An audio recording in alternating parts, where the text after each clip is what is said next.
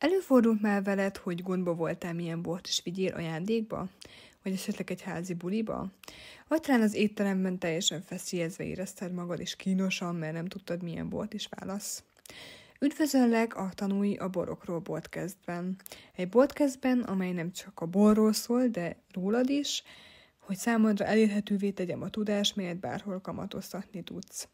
Tekints engem egy olyan zsebszomeliernek, és hagyd, hogy segítsek neked meghozni pár döntést. Szeretném, ha magabiztosabban mozognál a borok virágában, és hogy ne nagyon érezd magad gölcsösen, amikor a borokra telelődik a szó. Ez legyen egy közös tér, ahol a tudás egyben szórakozás is. Az én nevem Dóra, tájai borász és a Déve borok készítője. Üdv nálam! Remélem jól fog szórakozni, és minél több tudást magadévá tudsz tenni. Hát akkor vágjunk is bele!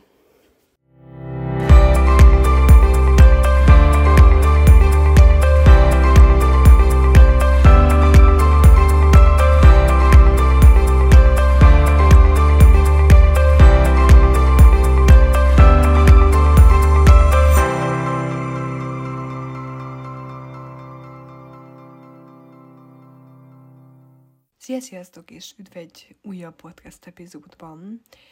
És a múlt hét végén jártam a Wine Lovers Grand kóstolóján, ahol egyébként dolgoztam, tehát nem kóstolóként vettem részt, hanem bár mondjuk kóstoltam is persze egy picit, de inkább, tehát én a Wine Lovers-szön dolgoztam, illetve a Weingartner Oliviernek, illetve az ötház borbírtónak a borait promótáltam, és, és beszéltem róluk, és nagyon nagy örömömbe szolgált, hogy többen is jeleztétek, és, és felismertetek, és ott tudtátok, hogy ki vagyok, és hogy hallgatjátok a podcastet, és ez nagyon-nagyon jól esett. Úgyhogy remélem, hogy egyre több és több emberhez el fog jutni. Lassan, de biztosan és picit meg vagyok fázva, ez lehet érzékelni is a hangomon, de próbálom, próbálom ezt a felvételt azért fel, felvenni, mert um, um, amikor általában podcastet készítek, az, az azért nem úgy van, hogy leülök ki, és, és akkor felveszik egy epizódot, hanem akkor ennek mindig vannak előkészületei, meg folyamatosan utána nézek dolgoknak, meg, meg tanulok, és, és úgy írom össze, hogy mit szeretnék, miről szeretnék egyrészt podcastet készíteni, tehát ezért ez egy hosszabb munkát eredményez, um, és lehet, hogy az előző posztjaimból azért már nagyjából lehet sejteni, vagy következtetni arra, hogy miről lesz szó, illetve hogy milyen, egyrészt milyen uh, témáról, tehát um, egyrészt um, nagyon fontosnak tartom, mindig is fontosnak tartottam, és mindig próbálom ezt hangsúlyozni, mennyire fontos nekünk magyaroknak az, hogy ismerjük meg a saját borvidékeinket, a saját a borainkat, milyen szőlőfajtákkal dolgoznak a borászok, milyen borokat készítünk, és hogy egyre több, többet tudjunk meg, kicsit edukálni szeretek mindig én is saját magamat is, és ezáltal nyilván másokat is, hogy, hogy kicsit jobban megismerjük a, hogy mi történik a, a különböző régiókban, borvidékeken, és hogy, és hogy tényleg ismerjük meg, és ne az legyen, hogy veszünk egy polcról csak úgy valamit, hanem, hanem, hanem hogyha lemesszük, vagy hogyha tényleg szívelélekkel érdeklődünk ez iránt, akkor, akkor meg is értsük ennek a hátterét. És, és szerencsére azért most, hát azt túlzás, nagyon sok fiatal, de egyre több fiatal mondjuk így érdeklődik a borok iránt, illetve kicsit tudatosabban állnak a boroknak a világához, próbálnak sokat kóstolni. Mondjuk például a Wine Lovers-on rengeteg fiatal volt, én nagyon örültem, mert, mert láttam rajtuk, hogy tényleg érdekli őket a téma, és tényleg nagyon érdeklődőek voltak, tudni akartak, kérdeztek sok mindent, tehát hogy és ennek ez a lényege tulajdonképpen, hogy minél többet kérdezzünk, hogy megtudjunk minden, még akkor is, hogyha nagyon sokan azt hiszik, hogy hülyeséget kérdeznek, én igazából teljesen mindegy, hogy mit kérdeztek, csak, csak kérdezzetek, hogy legyen, legyen tényleg ennek látszatja, én nyilván ezt szeretném, és kicsit tudatosabban álljunk a, a boroknak a világához, ez, ez, a, ez a lényeg. És, és ebben az epizódban nyilván egy másik borvidékről lenne szó, ami nem más, mint az Egri borvidék, és ezen belül is nem csak az egri borvidékről, hanem az egri csillagról lesz egyébként szó. Egyébként van is egy egri csillagon beszereztem magamnak egy egri csillagot.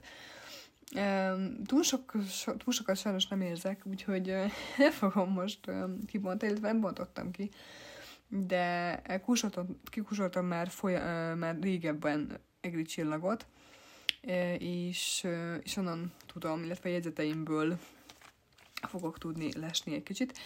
De igazából az a lényeg, hogy kicsit az egri borvidéket is megismerjük közelebbről. Egyrészt az egri borvidék ugye a Mátra, illetve a Bükkhegység között helyezkedik el, felső Magyarországi borrégióhoz tartozik, és jelenleg olyan hát 5600-5700 hektáron termelnek itt szőlőt, és a szőlőterületeknek a nagy része Eger városa, illetve a körül helyezkedik el.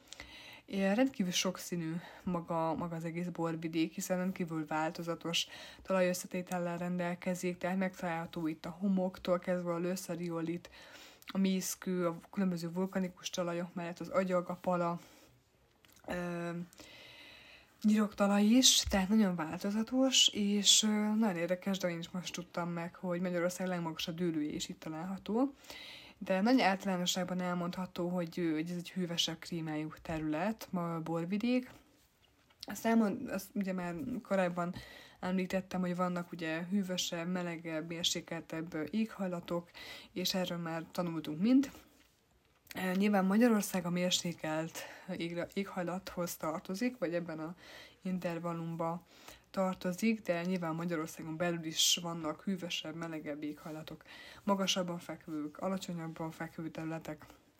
Ezek mind befolyásolják a bornak a minőségét, illetve az egész textúráját, mindenét, és kifejezetten el lehet mondani azt, hogy hűvösebb klímájú területek vannak az egri borvidéken, és emiatt, emiatt inkább ezek a nagyon gyümölcsösebb, frissebb, fehér borok készülnek itt, magasabb tartalommal, viszonylag közepes, magas tannin rendelkeznek, feszesebb borokat eredményeznek az itteni borok, és a borvidéknek a nyugati része az inkább ilyen nyiroktalaj öm, helyezkedik el, vagy nyiroktalajban gazdag, a keleti része pedig inkább magas méztartalomban gazdag, tehát öm, ennek megfelelően a méztartalom, tehát igen úgy tartották, hogy a mézkő miatt, illetve a méztartalom miatt inkább a fehér szülőknek kedvez, eh, kedveznek ezek a területek. Annyi bizonyos, hogy nagyon változatos minden esetre ez a, ez a borvidék, és mint a fehérnek, mint a kék szőlőnek megvan egyaránt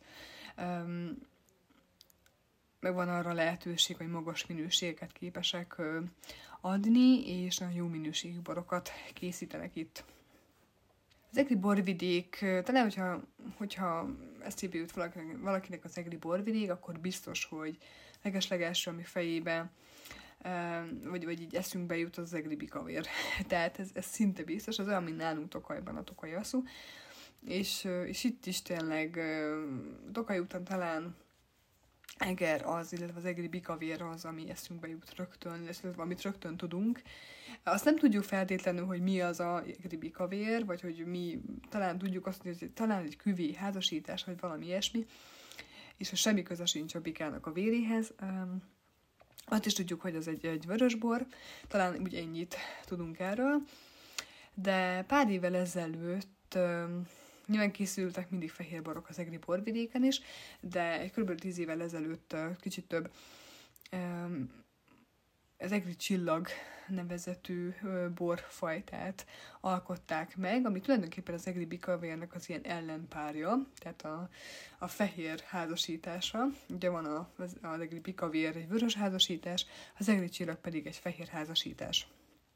A névválasztás sem véletlen, hiszen a Gárdonyi Gézának a jól ismert regénye az egri csillagokról kapta, illetve azután kapta a nevét, és, és most már azért tudjuk, hogy az egri borvidéken nagyon jó minőségű vörösborok is születnek, Vörösborok mellett fehér borok is nagyon feltörekvőben vannak, és a 16. században például kifejezetten fehér szőlők voltak jelen ezeken a területeken, tehát nagyon nem is ismerték a kék szőlőt.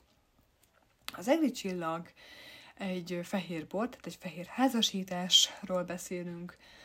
Három stílusban készítik, van az úgynevezett klasszik, klasszikus Superior, illetve a Grand Superior.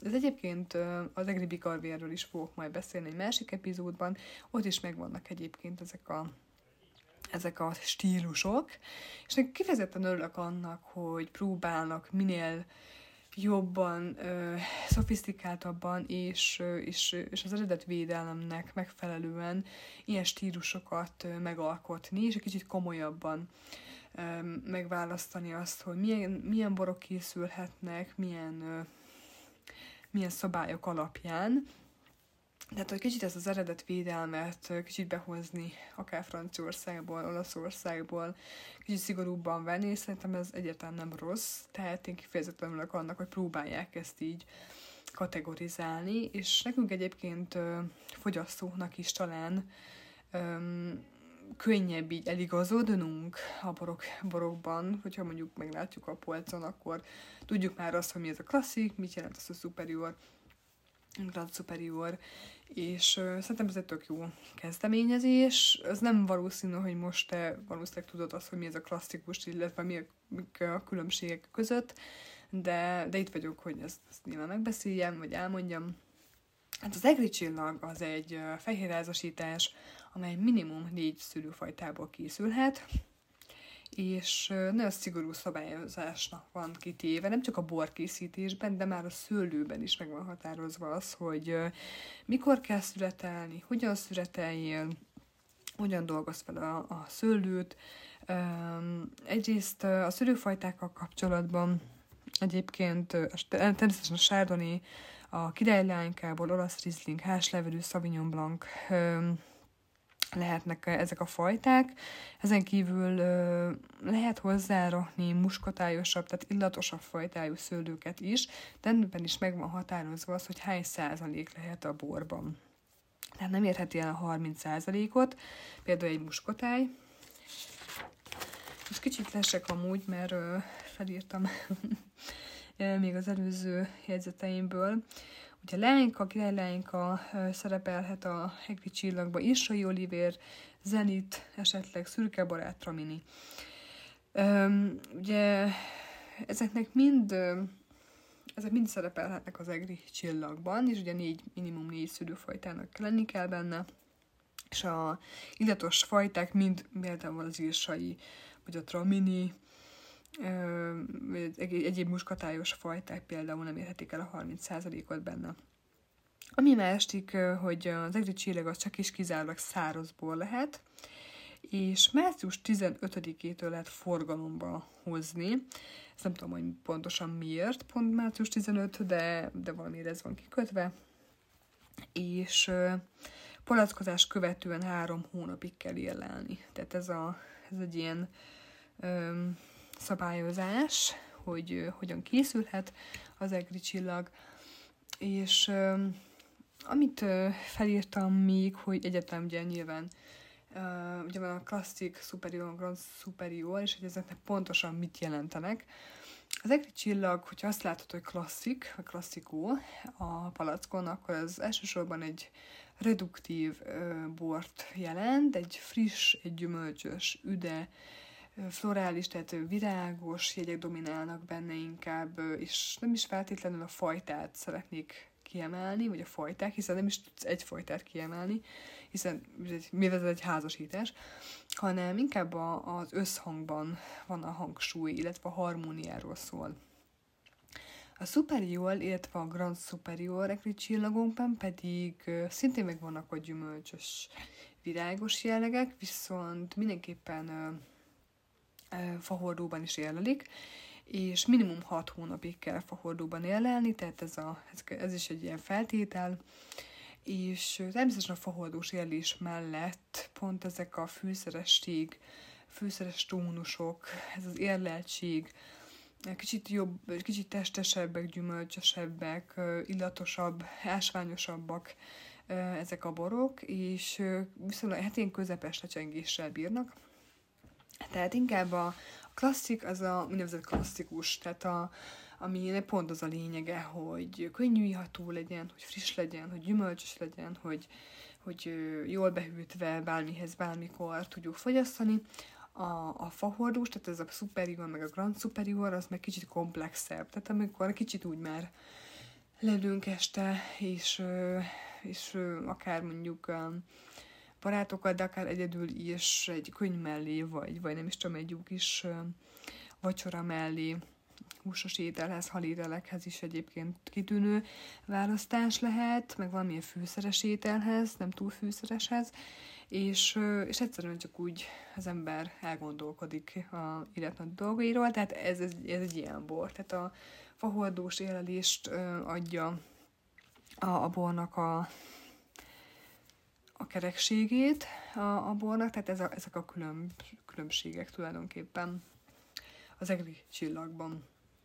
Nem tudom, hogy mennyire kóstoltatok már egri csillagot, ha még nem, akkor mindenképpen tegyétek meg, és írjátok meg, meg nyugodtan, hogy, hogy milyen volt, hogyha kóstoltatok már ilyet, illetve hogyha még nem, akkor majd nyugodtan szerezzetek be. Egyébként fogok csinálni majd az egri csillagról egy borbemutatót, illetve egy ilyen boros videót, amiben majd természetesen elemzem is a, a bort, de most sajnos ezt nem tudom megtenni, mert nem túl sok mindent érzek, de miután, miután, miután jó leszek, utána fogom megcsinálni.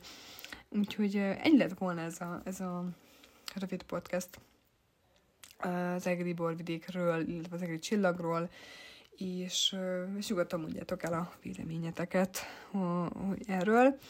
És természetesen következőkben nem másról lesz majd szó, mint az egri bikavérről, hogyha már egri csillag, akkor azzal fogjuk folytatni.